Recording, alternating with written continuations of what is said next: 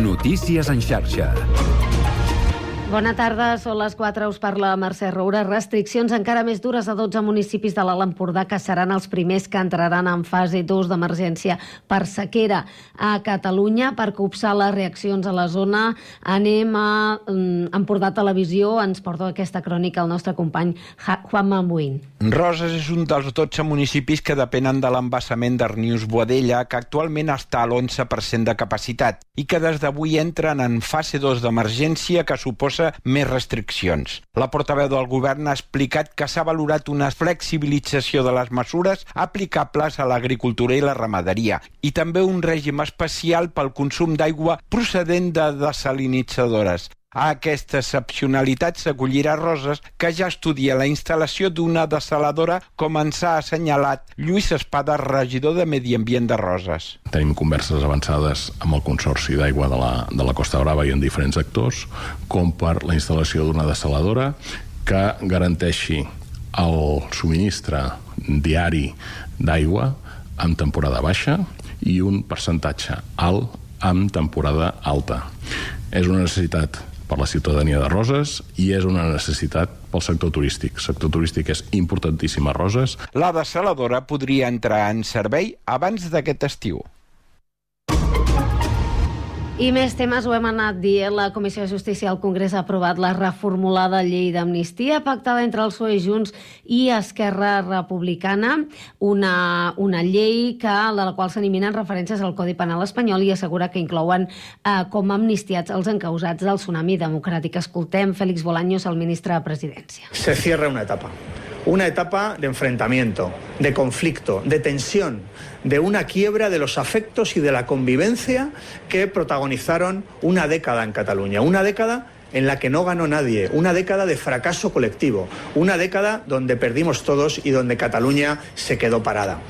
Per cert que la llei es votarà definitivament dijous vinent. Més temes. El Departament de Territori ha iniciat la campanya de les inspeccions als edificis afectats per les obres del perllongament de la L8. En una primera fase es faran un miler d'inspeccions a habitatges locals comercials i aparcaments a l'entorn de les futures estacions a Francesc Macià, Hospital Clínic i de la sortida d'emergència prevista a Comte d'Urgell. I un darrer apunt perquè Trànsit ha arrencat una impactant campanya de conscienciació per acabar amb el consum d'alcohol al volant. Un cotxe fúnebre amb el missatge dalt del cotxe 0,0 recorrerà totes les carreteres catalanes. És tot de moment. Tornem d'aquí una hora amb més notícies en xarxa. Notícies en xarxa. 4 i 3 minuts. Comença el Connectats.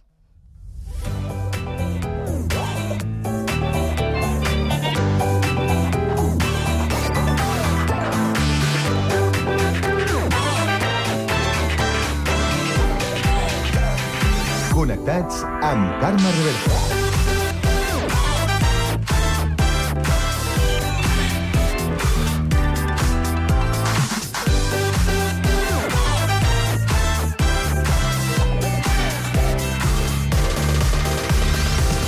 Molt bona tarda, salutacions i benvinguts al magazín de tarda de la xarxa, el Connectats de l'àrea metropolitana de Barcelona, programa que fem i que podeu seguir a través de Ràdio Sant Cugat, Ràdio Sabadell, la Ràdio Municipal de Terrassa, el Prat Ràdio, Ràdio Ciutat de Badalona i Ràdio Castellà.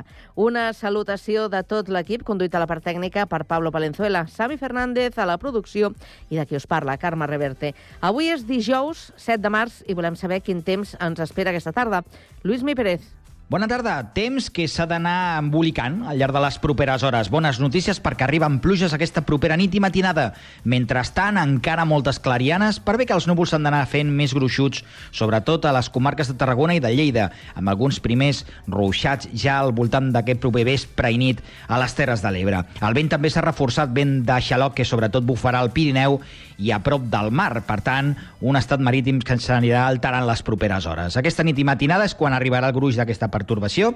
Hi haurà algunes tempestes al Pla de Lleida i a les comarques de Tarragona i d'una forma més minsa aquesta pluja arribarà a la resta del país, on esperem menys aigua és a la Costa Brava, però, per exemple, del prelitoral cap a l'interior i sobretot a la demarcació de Tarragona, la pluja serà molt més abundant. Demà al matí encara algun ruixadet cap al Pirineu i les comarques de Girona, després els núvols es trencaran i novament demà a la tarda algun xàfec que sobretot caurà fora de la demarcació de Girona. Us seguirem a la xarxa.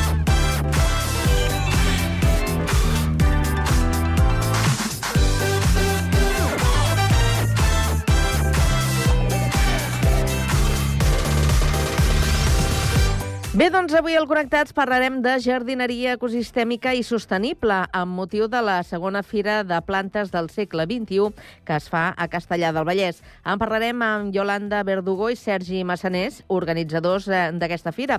Acabarem la primera hora amb la tertúlia generalista per analitzar les mesures que han de revertir els resultats de l'informe PISA i el cas de les dones indígenes de Groenlàndia que han demandat a Dinamarca. A partir de les 5 coneixerem l'atleta pretenc Josep Jiménez. Continuarem amb Patrimoni per descobrir el mercat de Sant Pere o del Triomf de Terrassa. I acabarem amb Cultura i amb l'última novel·la del professor i escriptor pretenc Cristian Oliver, Estimat idiota. Tot això i més des d'ara i fins a les 6 de la tarda a la vostra emissora local. Connectats? Comencem.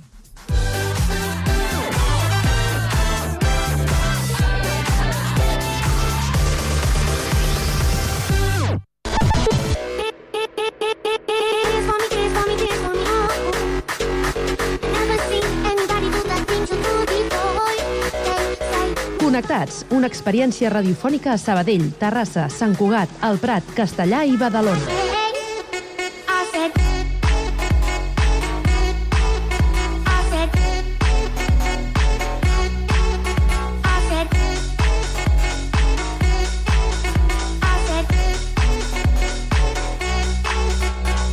Connectats amb Carme Reverte.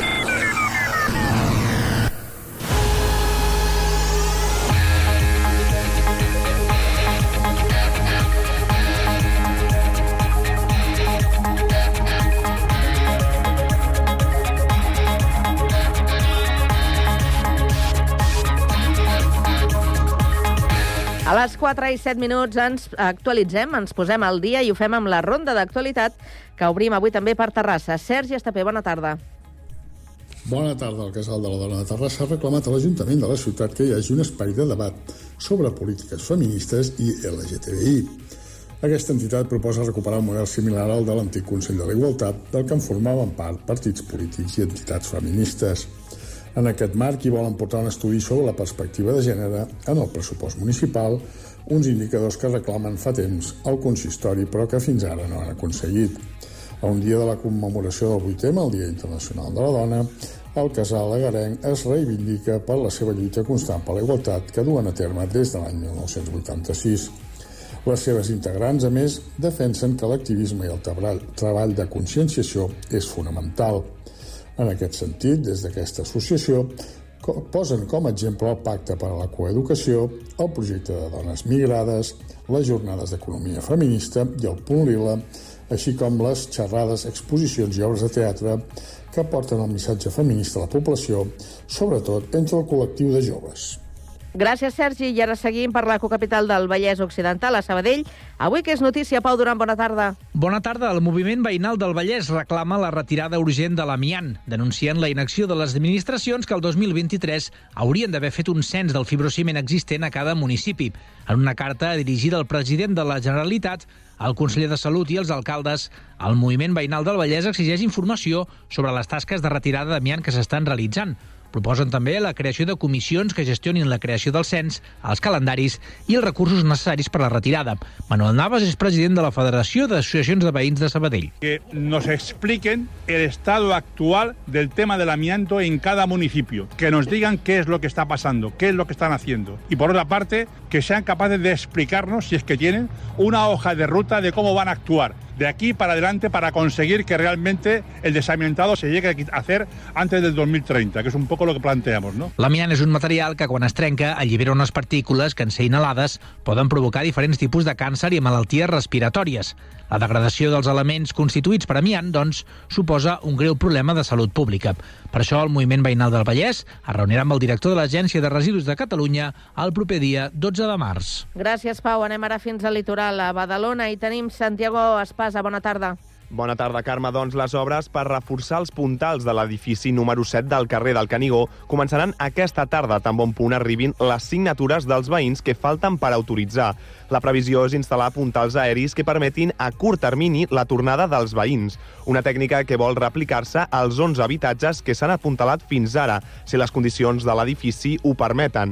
Així ho ha explicat Daniel Gràcia, regidor de l'àrea de territori. Amb unes vigues de, de fusta i el pes l'aguantaran les parets maestres, que pel que ens diuen els arquitectes municipals, els tècnics, estan en bona, en bona salut. Anirem valorant eh, quina possibilitat hi ha de replicar aquesta fórmula que ja s'ha dut a terme en el 15, en el 13 i en l'1 de Canigó, el veïnat es mostra esperançat davant l'anunci de les obres de reforç. Alguns propietaris, però, esperen que aquests treballs provisionals no provoquin que s'allargui en el temps l'obra definitiva. Gràcies, Santiago. Seguim encara al litoral. Des del Prat de Llobregat ens ha informat Víctor Asensio. Bona tarda. Bona tarda. Avui s'ha celebrat la JOAP, les Jornades d'Orientació Acadèmica i Professional al Prat, una iniciativa que té com a objectiu orientar l'alumnat de cara a continuar formant-se a universitats o centres de formació professional.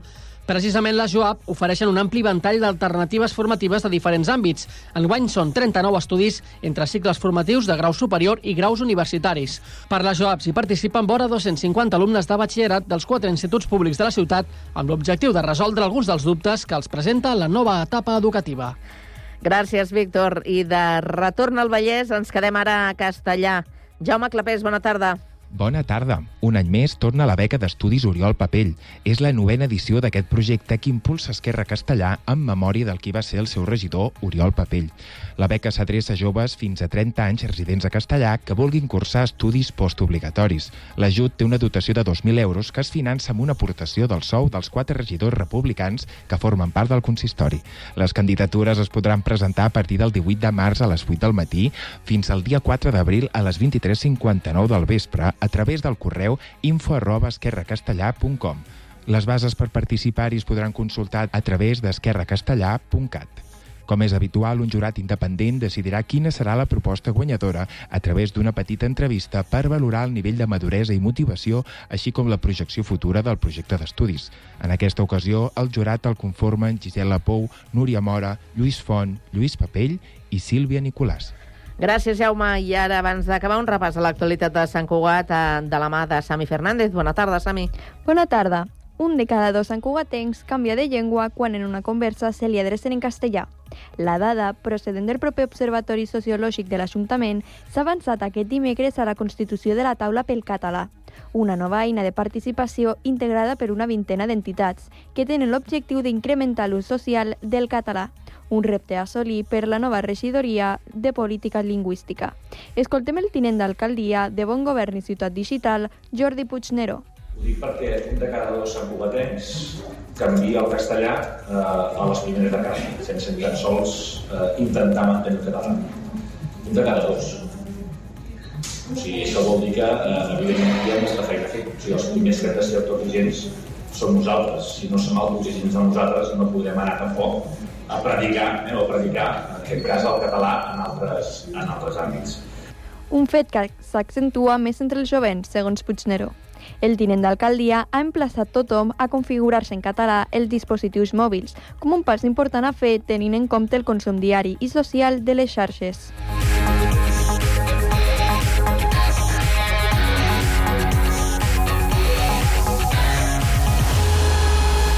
A la tarda, no et desconnectis.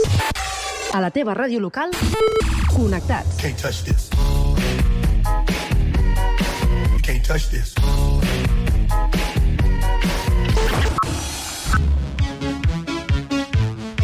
Can't touch this. Can't touch this. Connectats amb Carme Rebell.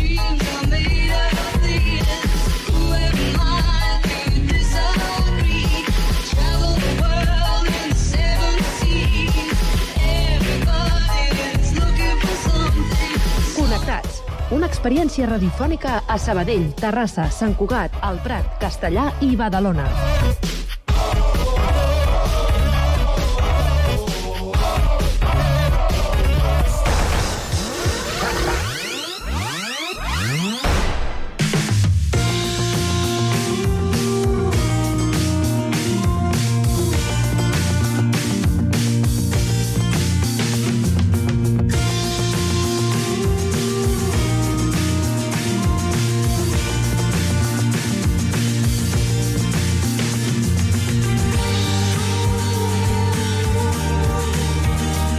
La segona Fira de Plantes del segle XXI tindrà lloc a Castellà del Vallès. Aquesta fira és una iniciativa de l'Institut de Jardineria i Agricultura Les eh, Garberes, part serveix per impulsar la jardineria ecosistèmica i sostenible.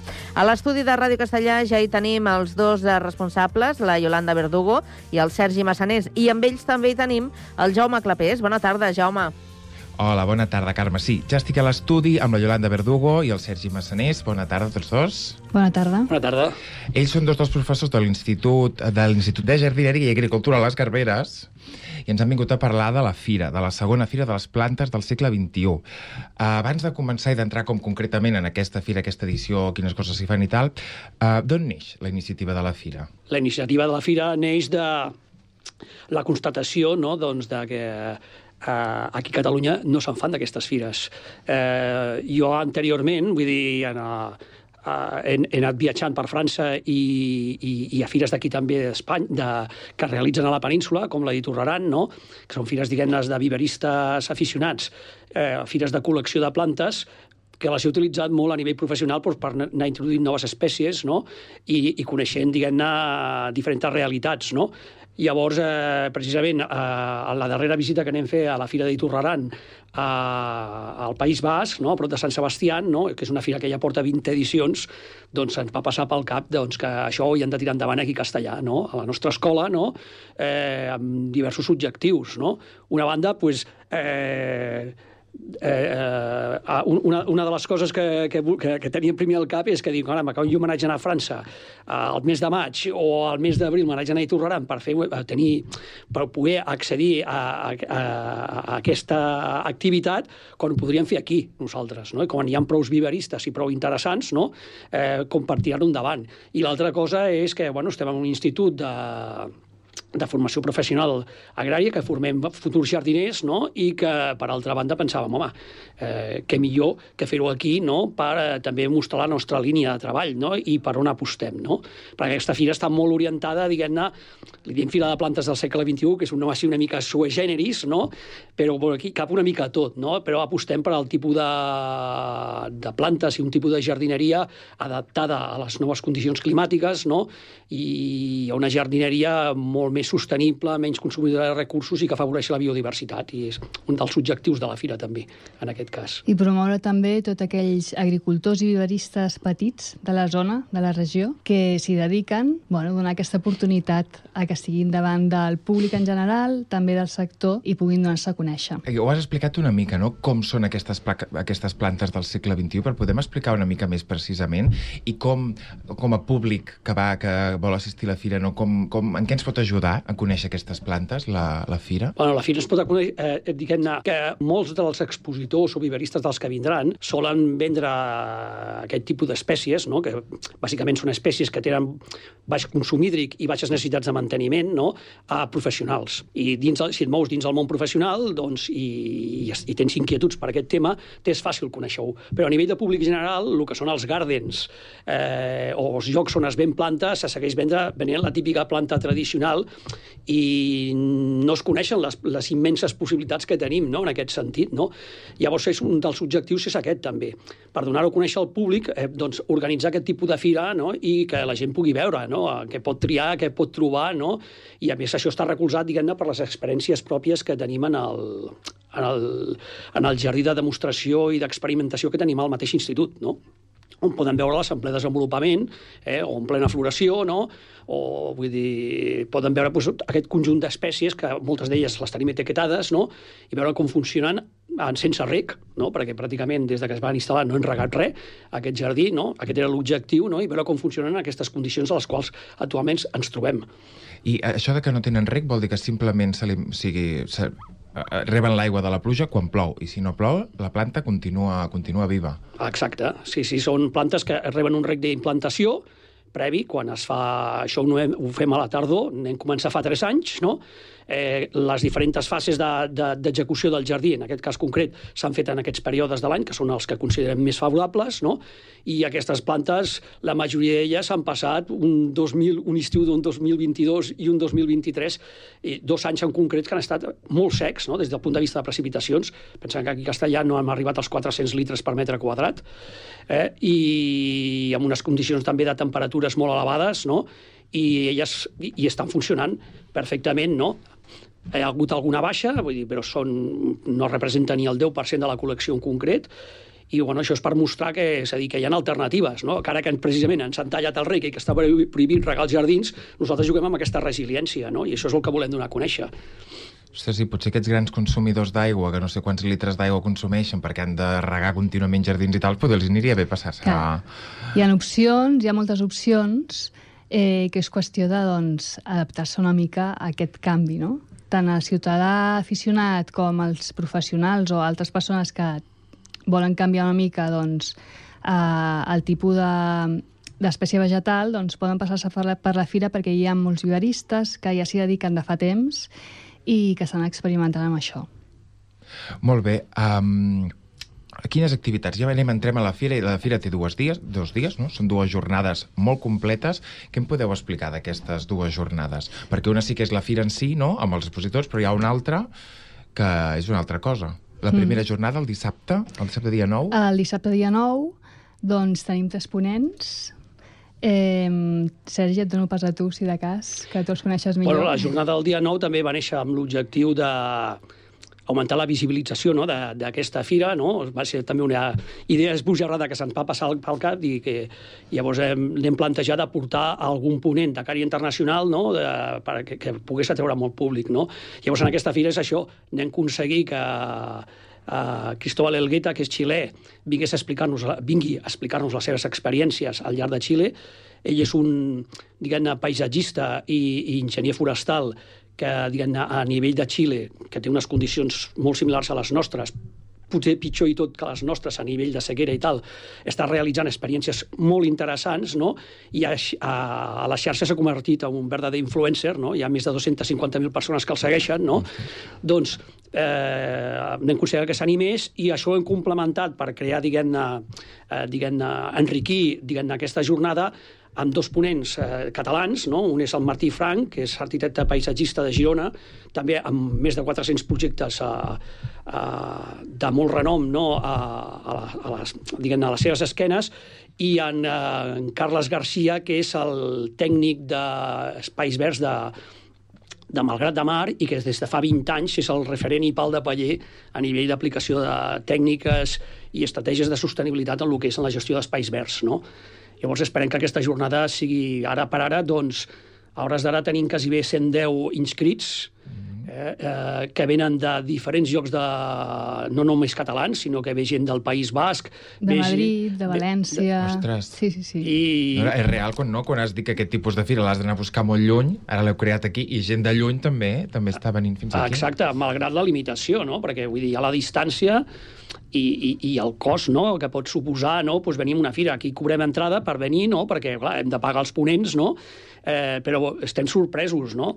Hem estat molt insistents a nivell de màrqueting, hem aixecat molt a les xarxes no? i bueno, la gent està donant, tenint una bona, molt bona resposta.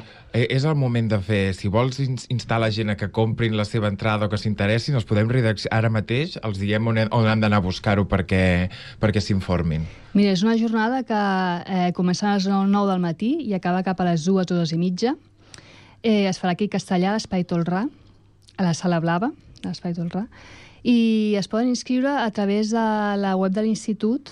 Eh, allà directament trobaran un enllaç que posa Fira de Plantes al segle XXI i allà doncs, veuran que al final del programa posa eh, compra aquí la teva entrada.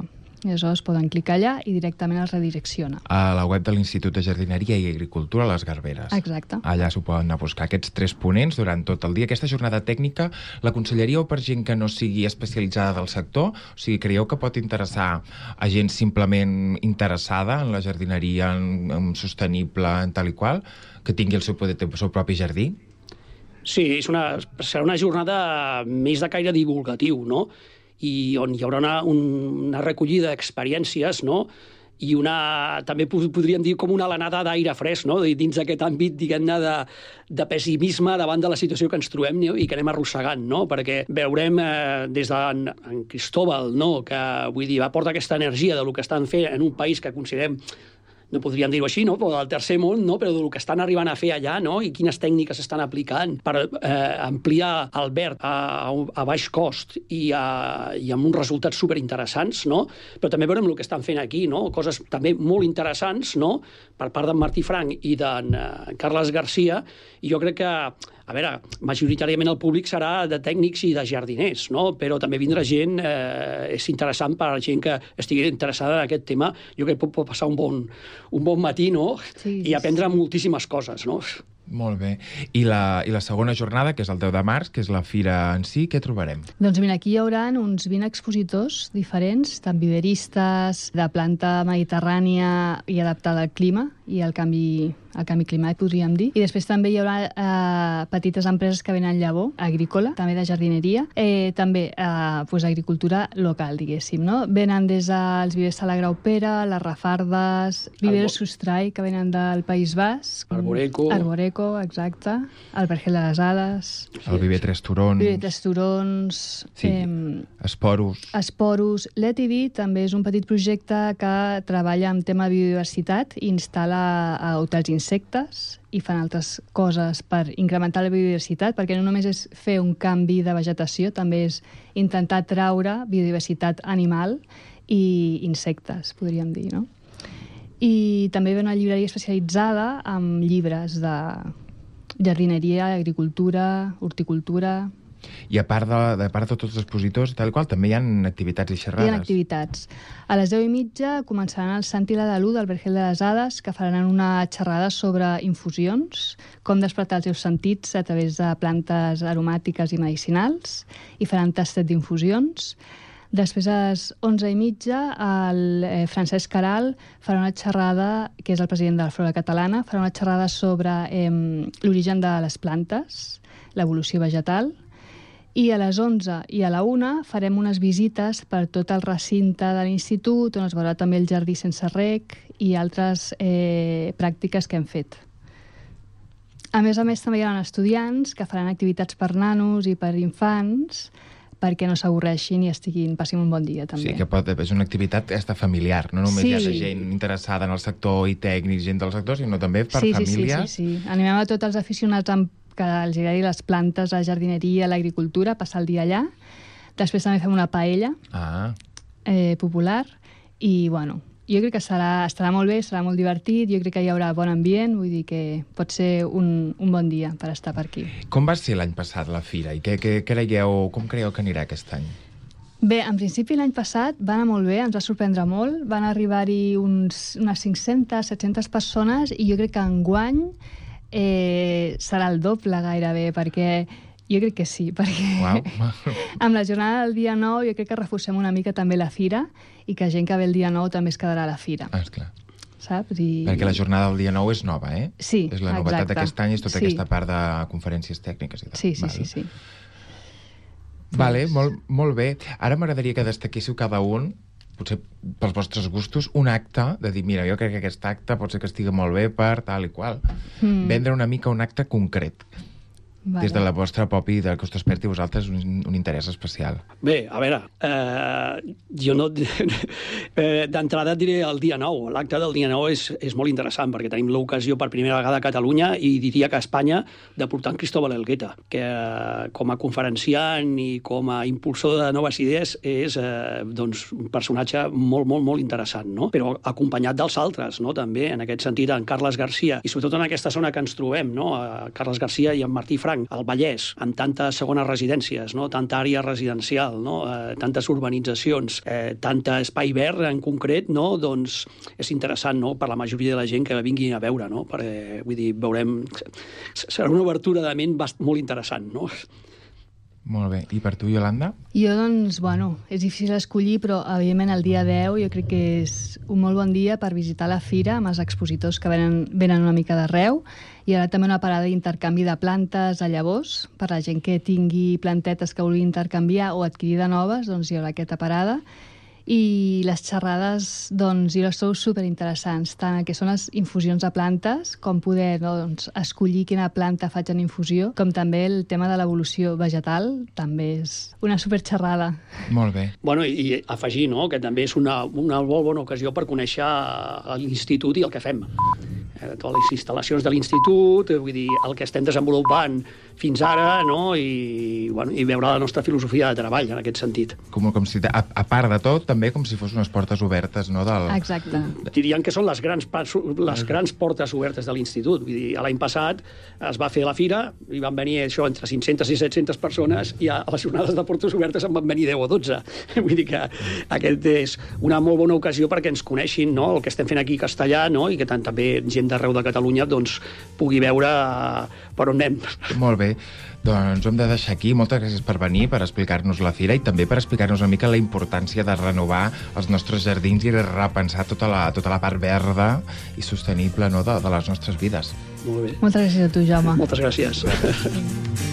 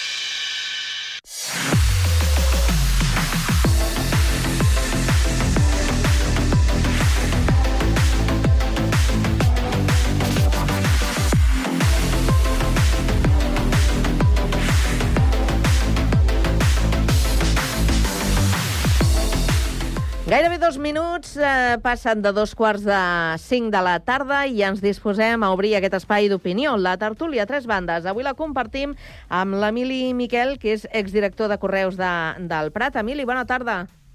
Hola, molt bona tarda. Què tal el temps? Com pinta el cel al Prat ara mateix? Bé, fa un bon dia, un dia agradable. De moment. D'entre- Sí, de, de final d'hivern, no? De... Diuen que el cap de setmana plourà. Mm. Estem esperant la pluja com a aigua de maig. Demà. Serà De, de, de, ma- de març, sí. Mm, de, de març i demà. Està bé. A veure si és veritat. Co- Com aigua... Sí, haurem de canviar la dita i haurem de dir com aigua de març. Com aigua de mar, sí, sí, sí. I la Sí. d'abril no sé si la podem mantenir. Eh? Ja, Eh. ja veurem. En abril, aguas mil. Això diuen, o deien. Eh? Ah, ja, ja veurem, ja veurem. Vinga, anem Sí, sí. A, a continuar la, la ronda. Ens n'anem a Terrassa. Josep Vallvé, exempleat de Caixa d'Estalvis i columnista. Què tal? Bona tarda. Bona tarda. I, I pel maig cada dia un raig, eh? Bueno, ja en portem uns quants, eh? L'aigua l'aigua ha de ser de maig, aigua de mayo. Ah, Eh, que n'ha de caure aigua eh, per un tubo. Endavant. eh, ja veurem si serà suficient la que caigui. De moment, divendres i dissabte hi ha prevista eh, aigua, o sigui que a veure si és eh, suficient o, o no. I a l'estudi de Sant Guat ens acompanya la Mònica Blasco, que és sòcia fundadora de l'empresa La Original Comunicació, y també aquí Sant Cugat eh, mirant al cel, ¿no? A veure què tal, Mònica. Sí, pero yo creo que de momento, tristemente para nosotros, no va a llover, de momento, de momento, pero dicen que sí, que el fin de semana. Y yo también tengo un refrán. Quin? Hasta el 40 de mayo no te quites el sallo. Ai, mira, Clar, aquest, clar. a- aquest, aquest també, eh? perquè sí que és veritat que hem tingut unes... Hem, estem tenint, de fet, unes Sí. temperatures altíssimes, Altíssimes. per, per l'època de, de l'any i, en canvi, ara sí que s'ha notat una miqueta mm. la baixada de les temperatures a primera hora del matí, Sí. quan ja s'amaga el sol, no?, que comença a fer-se fosc, sí que es nota aquesta diferència. Bé, doncs feta la ronda, que ens agrada fer, aquesta ronda meteorològica, eh, anem a per altres eh, qüestions eh, que no sé si del cel cauran solucions, però la qüestió és que eh, algú s'hi ha de posar. Recordeu els resultats de l'informe PISA que van deixar doncs, eh, el resultat dels alumnes eh, catalans mm, bastant, bastant, bastant malament i mm, mm, ens van deixar molt preocupats eh, a tots, no?, perquè la veritat és que veiem que la situació en comparació amb altres eh, comunitats, eh, la veritat és que ens deixava bastant, bastant malament. Eh, S'hi han posat en mans a la feina i ha treballat un equip d'experts. De, d'experts. I ara, després de les eh, propostes que han presentat, eh, serà qüestió del departament que valori doncs, aquelles que eh, s'hauran d'activar eh, immediatament i quines altres s'aniran afegint eh, de, mica, de mica en mica. Eh, és complicat perquè el panorama està, està bastant malament.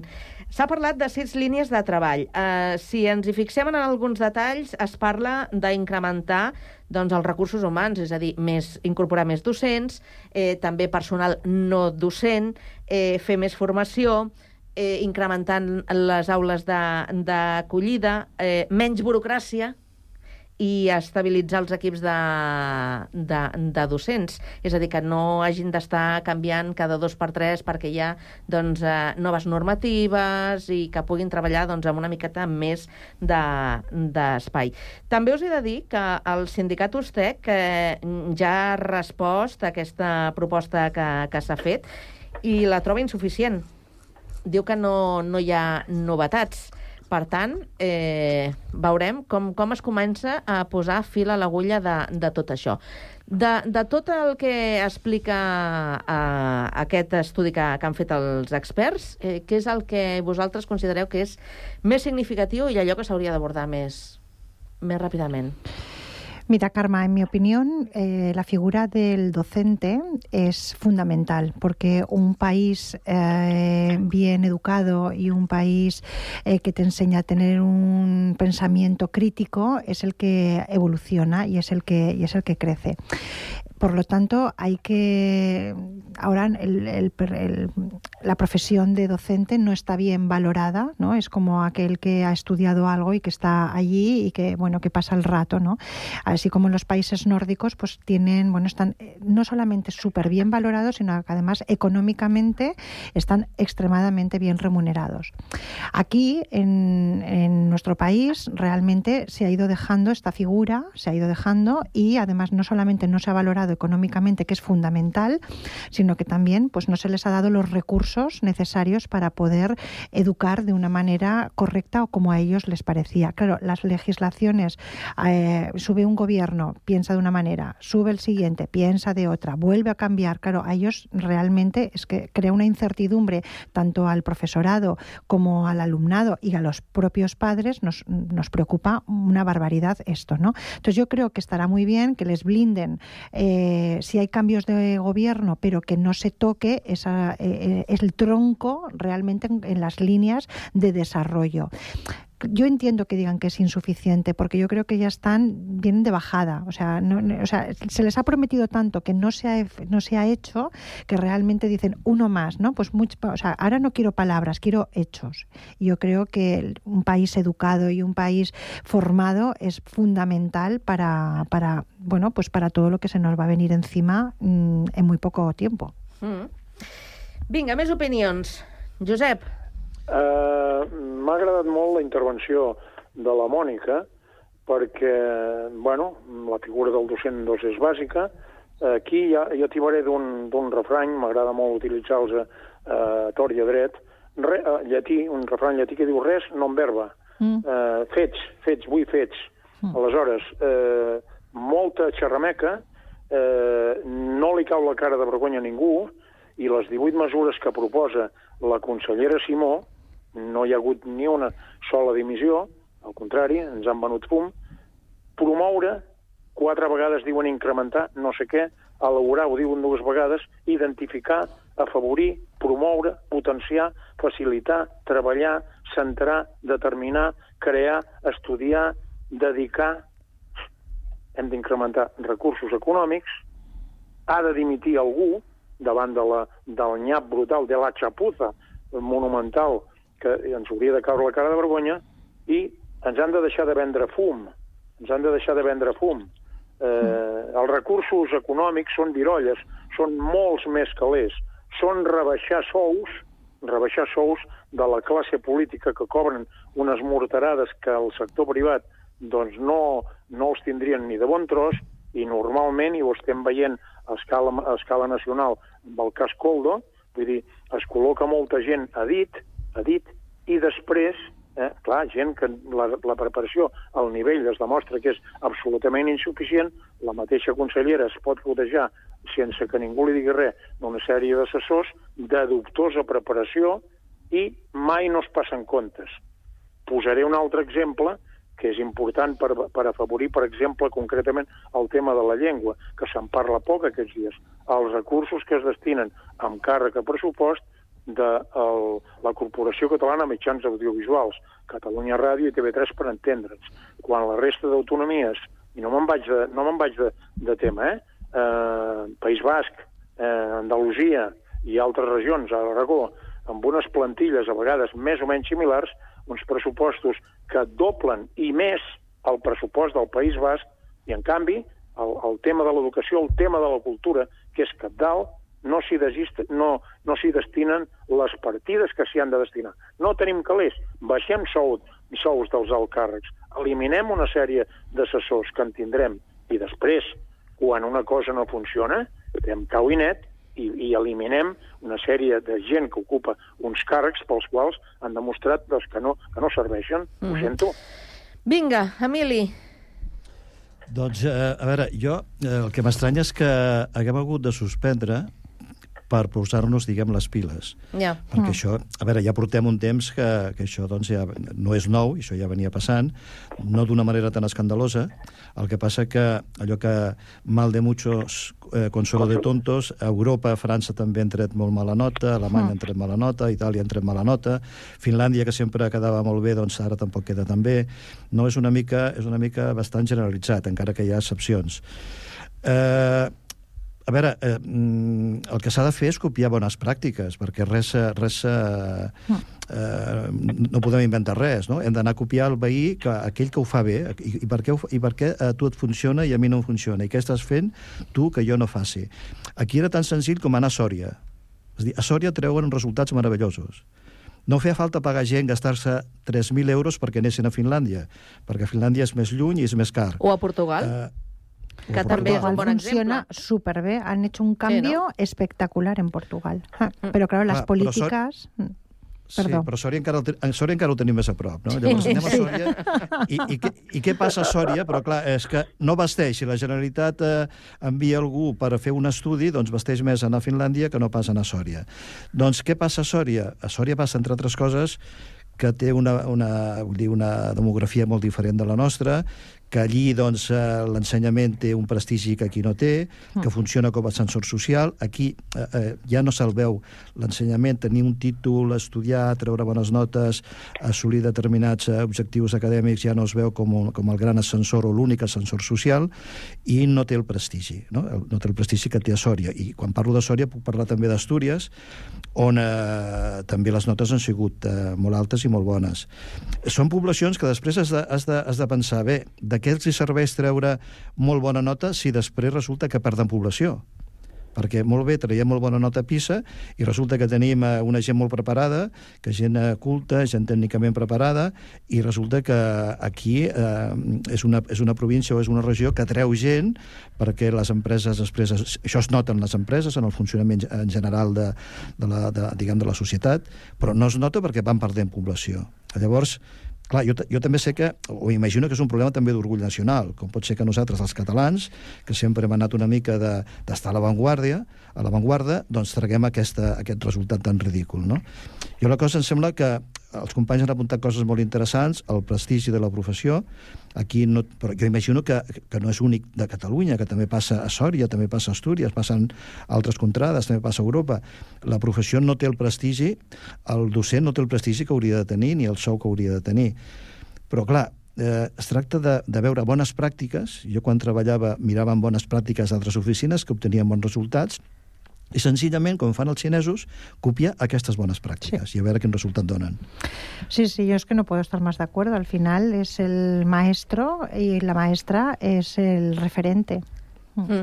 Deixeu-me que posi una mica el dit a la, a la Nafra. Recordeu que quan van sortir els resultats hi va haver algú del departament que va eh, eh, argumentar que tot això, doncs, eh, els resultats eh, tenien a veure amb, eh, amb, el, amb els alumnes nouvinguts, amb aquesta part de la població no? immigrada. Ja. Clar, eh, si parlem del tema de la segregació, mm, això és un tema molt seriós que mm, d'alguna manera sí que no està, mm, no està ben tractat, no està ben treballat, perquè eh, segurament que en les vostres eh, poblacions eh, trobeu alguns centres que, que semblen pràcticament guetos. En comptes de distribuir aquest alumnat entre eh, els centres que hi ha a, a la població, de manera que existeixi doncs, una equitat, un equilibri, un, un, que, que, que, no, que no es posi, eh, diríem, eh, que, que, que reparteixi perquè hi hagi les mateixes opcions per, eh, per créixer a tots. A ver, Karma, yo creo que estos mm, son excusas de mal pagador. Eh, es cierto que no es lo mismo un San Cugat, ¿no? Pues contiene, o sea, aquí la media mm, son las padres, la mayoría son medio alto, con unos, con, que, o sea, con unas carreras, y no es lo mismo a lo mejor en otra, en, dentro del mismo San Cugat, en otro, en algunas poblaciones más cercanas, ¿no? A, a aquí. Rubí, sin ir más lejos. Bueno, sí, pero tam- ciertamente, pero igualmente lo que yo creo es que mm, tenemos que trabajar justamente en hacer lo que tú has dicho, ¿no? Esta equidad y, y poder fomentar este gusto por, por, por el estudio, por la lectura, por las matemáticas, por la formación. Entonces, realmente hay que trabajar y para eso se necesitan recursos. Se necesitan recursos y los profesores llegan hasta donde llegan y los coordinadores de los institutos y de los colegios llegan hasta donde llegan. Mm, Me explico, o sea, a nivel sobre todo público. Entonces hay que poner ya no solamente dinero, lo que lo que ha dicho antes el compañero, hay que copiar las buenas prácticas. ¿Qué ocurre? Que es que en Portugal son todos más ricos que nosotros. No es cierto. Ahí se habrán encontrado los mismos problemas que, que aquí. Lo que pasa que han sabido hacer buenas políticas eh, de, de- de formación y de trabajo y, apl- y aplicar lo que ha dicho antes el compañero en lugar de, de- de- de poner según qué sueldos o según destinar en según qué, a según qué recursos, hay que ponerlos en la educación. Y yo vuelvo a decir, un país mm, educado es un país desarrollado. No hay más. Jo insisteixo amb l'exemple que posava abans l'Emili. A Sòria, tenen problemes de segregació? Seguramente, claro, estoy convencida. Es, p- Claro, inmigración hay en todos los sitios y bienvenida la inmigración. Es que es así. Aquí a Terrassa hi ha una escola, aquí a Terrassa hi ha una escola a prop del, del cementiri municipal, Mm. al barri de que de Nostra Senyora Montserrat, que són vivendes dels anys 60 amb una Mm. qualitat molt reduïda. Hi ha una escola que eh, em sembla recordar que tenia alumnes de 32 nacionalitats diferents. I aquesta escola eh, la van posar com a referent de bones praxis en el sentit de saber integrar i motivar. Eh? És que eh, a la varietat hi pot haver la, la riquesa, el compartir coses.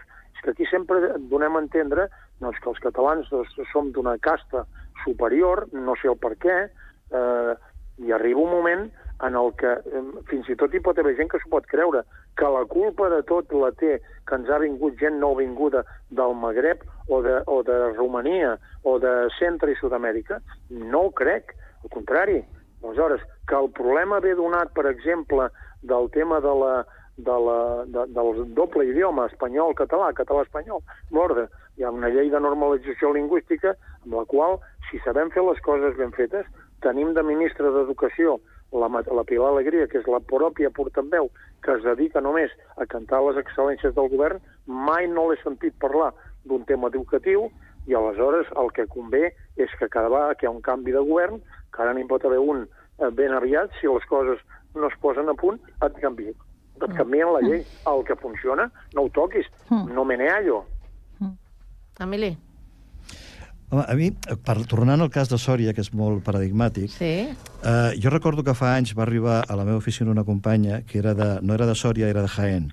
I una de les coses que em va comentar, perquè era una noia que tenia uns 20 anys i que acabava d'aterrar aquí a Catalunya, eh, és que aquí no hi havia, no hi havia amor a l'estudi, no hi havia ganes de- d'estudiar, de, de, fer, de fer una carrera que, que en canvi el, el seu poble, era d'un poble, no, no recordo el nom, un poble, un poble gran d'allà de, de Jaén, al seu poble tothom volia tenir eh, carrera universitària, i la gent es barallava per tenir carrera universitària, i hi havia moltes ganes d'estudiar i amor a l'estudi, perquè era l'únic ascensor social, no? l'únic ascensor social que funcionava. Diu, aquí, en canvi, com que teniu la indústria que teniu, el comerç que teniu, és una societat moderna, rica, desenvolupada, no és la- la- l'Andalusia profunda d'on jo vinc, aquí la gent sap que si fracassa eh, estudiant, com a estudiant, doncs té l'empresa privada, entra a treballar, agafa un contracte d'estiu, després s'hi queda, i al final s'a- s'acaba guanyant millor, fins i tot la vida, que aquell que s'ha pelat els colzes estudiant i fent una carrera universitària i ha acabat eh, traient-se dret i resulta que tenim cinc vegades més, teniu cinc vegades o tenim cinc vegades més advocats dels que realment necessitem i l'estudiant de dret acaba treballant de qualsevol cosa menys, de, menys en una professió o en una feina relacionada amb seu, no? I això també és una mica, jo crec que és una mica així, és a dir, tu quan veus que eh, Sòria, eh, Jaén, que, que Astúries, que si tu vols, eh, eh, vols obrir-te camí, tu vols eh, eh, viure millor que els teus pares, tu vols tenir una feina ben pagada, eh, el, el camí més, més l'únic camí potser ja no el més, el més curt i el més directe, sinó potser l'únic camí és la carrera universitària, ser advocat, ser metge, ser el que sigui, no?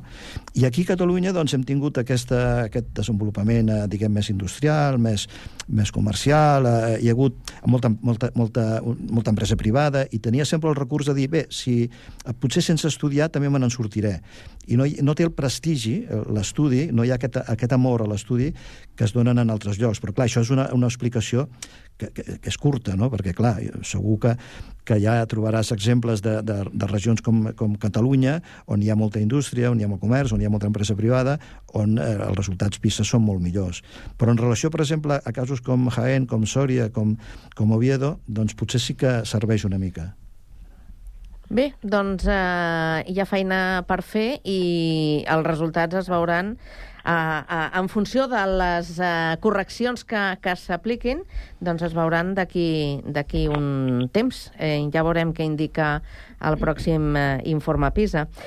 Eh, canviant de, de tema, demà és el 8 tema i, i en aquest programa, doncs, durant tota la setmana hem anat, hem anat deixant pinzellades eh, amb motiu d'aquesta celebració.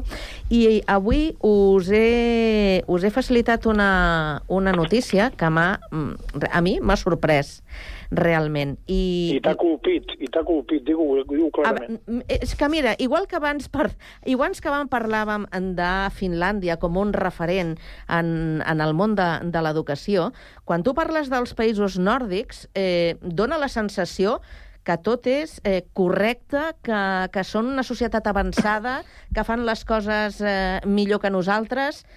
Aquesta és la percepció que tenim, no? Són nòrdics i per ser nòrdics sembla que ja ho fan tot bé.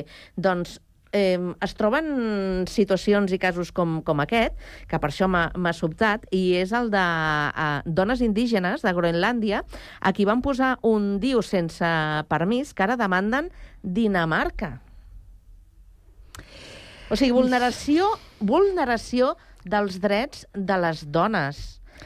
És igual la societat que sigui, Yo, yo, Karma, no tengo palabras. Sinceramente, cuando lo pasaste, ah, mm, he estado leyendo un montón, sobre todo, o sea, he ido mucho más atrás, más atrás, más atrás de un montón de casos que Dinamarca. O sea, es como si hubiéramos vuelto a la época de los vikingos, pero los vikingos en la, eh, eh, pero de hace yo qué sé, mil años No, o dos no, mil no años. estem, no estem parlant... No estem... En la prehistòria. Totalmente. Però és una pràctica que es va fer... En los años mm, de Seix- se- 60, 60, casi en los 70, ¿eh? Quiero 60, decir. finals dels 60-70. Vale. 66-70, sí. Exacto. Entonces tú piensas, o sea, yo hablo desde el punto de vista ahora como mujer, ¿vale? O, y, o como, y, y- y como persona. Da igual, como persona, vamos a, vamos a hacerlo así. O sea, ¿quién es el gobierno? ¿Cómo se atreve a pensar sobre mi decisión de ser madre es que me parece el colmo ya de, de, de, de, todo. O sea, es que me parece, o sea, es, o sea, lo más bonito que tiene un ser humano es dar vida. Dar vida, da igual que sea un hombre, que sea una mujer. El hombre lo da de una manera y nosotros lo damos de otra. Pero es dar vida. Y yo puedo decidir en libertad con quién quiero dar esa vida. Faltaría más. O si la quiero dar sola. Me da igual. Pero ¿quién es el gobierno? ¿Cómo se atreve? ¿Cómo se atreve? No sé, és que estoy indignadíssima. I això és el que va passar a Groenlàndia eh, per una pràctica que va decidir el govern de, de Dinamarca per limitar el creixement de la població. Això és el, i és que ja és el colmo. Sí, però el, el, el govern xinès va decidir la política del fill únic, Sí, també. que decideix... Sí. eh, que decideix Sí, sí Clar, Dinamarca és res en comparació amb, amb Xina, que és un percentatge importantíssim, molt alt de la població mundial, i diuen, eh, escolta, només tindreu un fill. No? Qui, qui és el govern per dir els fills que tindré? Però és que els governs estan per això, no? Mm. Estan per, eh, per, eh, per dir-nos, per intentar, després nosaltres ens hi hem de posar, hem d'anar en contra, però ells volen manegar les nostres vides. I nosaltres ens hem de revelar. A Xina no s'han no revelat i segueixen amb la política del fill únic. I això de Dinamarca doncs, és un exemple més de com els governs imposen, en aquest cas, a una població eh, colonitzada, una població, la població autòctona d'allà, que diuen vosaltres eh, teniu, eh, teniu, sou sub eh, diguem, ciutadans, no sou ciutadans, aquí volem que, se, que vull dir que el ciutadà eh, danès eh, sigui... Eh, De primera i de segunda, sí. O de tercera Sí, o cuarta. i- ja no sé com I vosaltres heu d'anar mica en mica cap a l'extinció, no? Com es va fer a Austràlia amb els aborígens, que pràcticament van desaparèixer. Com s'ha fet tantes vegades, desgraciadament, al llarg de la història, no? Arribar i, i extingir. Mm. Josep... Jurídicament, jurídicament aquí eh, tinc la por, eh, escoltava amb molta atenció l'opinió de les dones, perquè en aquest punt de donar vida, doncs es vulgui o no es vulgui, teniu una, una part estel·lar, una part principal, l'home doncs és un, pot ser un, un, un element de cooperació o pot no ser-ho, com deia la Mònica fa un moment, no?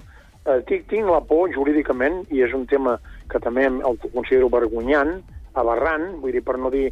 Això és, no, és, és, és, és kafkià, és, és esperpèntic. Anem acabant, eh, que estem ja al final. Tinc la por, tinc la por de que això al final quedi amb un no res pel famós tema de la prescripció, prescripció legal. Eh, això s'ha de fotre canya a, a qui convingui. I, naturalment, això s'ha de re- ressarcir econòmicament Hem perquè crec d'acabar, hem d'acabar, Josep, perquè no ens queda temps per res Prou. més. A l'altra banda d'això tenim a França blindant l'avortament a la seva Constitució. Gràcies als tres, Emili, Josep, Mònica, que acabeu de passar molt bona tarda. Igualment. Igualment, a vosaltres. Adéu-siau. Bona tarda. Adéu-siau. Adéu, companys. Adéu.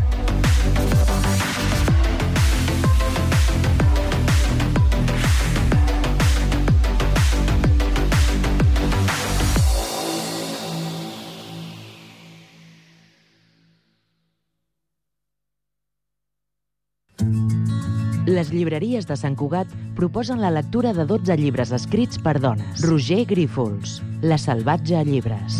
Des de les Salvatge Llibres us volem fer tres propostes d'autores. La primera que hem escollit és a, a La recerca del Lotus, publicada per les altres. És un llibre de no ficció literària de Charmian Cliff, que va ser una periodista i escriptora australiana, que en un moment donat, després de la Segona Guerra Mundial, decideix eh, comprar-se una petita casa a una petita illa grega. És un retrat exquisit d'una època i un espai molt concret, de la manera de viure mediterrània que, ella, que aquesta gent desconeixia, i també hi apareixen figures eh, tan capdals per la cultura del segle XX com va ser el posteriorment arxiconegut eh, Leonard Cohen, poeta i compositor. Bé, en segon lloc, ens agradaria proposar-vos el meu joc astronòmic de MFK Fisher, de l'altra editorial. Torna a ser no ficció literària, però en aquest cas tot gira al voltant de la gastronomia. Fisher eh, era una nord-americana que va viatjar mm, amb el seu marit per Europa per qüestions laborals durant els convulsos anys 30 i allà va descobrir el seu plaer pel, pel que seria la, la taula, la gastronomia. Està molt bé perquè conjumina molt bé el, el que seria els convulsos anys 30 a Europa amb experiències vitals i el que seria el, la teca, el menjar i el beure. O sigui que és un llibre per acabar amb, amb la panxa ben, ben contenta. I per últim, Aquest sí que és una veu més, eh, més jove. És el Premi Estrega d'Itàlia del 2022, eh, de Verónica Raimo, publicada per el 1984, que és, el, és, una, és un llibre molt fresc, molt, molt satíric, que retrata també el que és una, la típica família italiana que tan bé definia, per exemple, les pel·lícules de Fellini. És, una, és un llibre per deixar-te un bon sabor de boca. 12 llibres d'escriptores per a tots els gustos i edats que no et pots perdre. Les llibreries de Sant Cugat i Cugat Mèdia proposen la lectura de 12 llibres escrits per dones.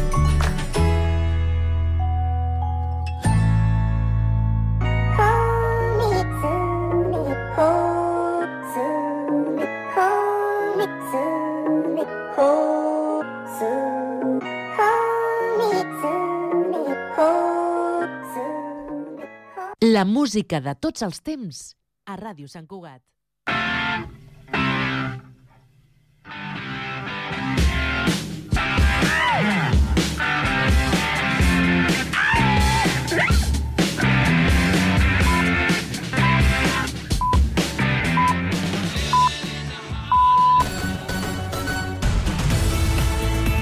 Ràdio Sant Cugat,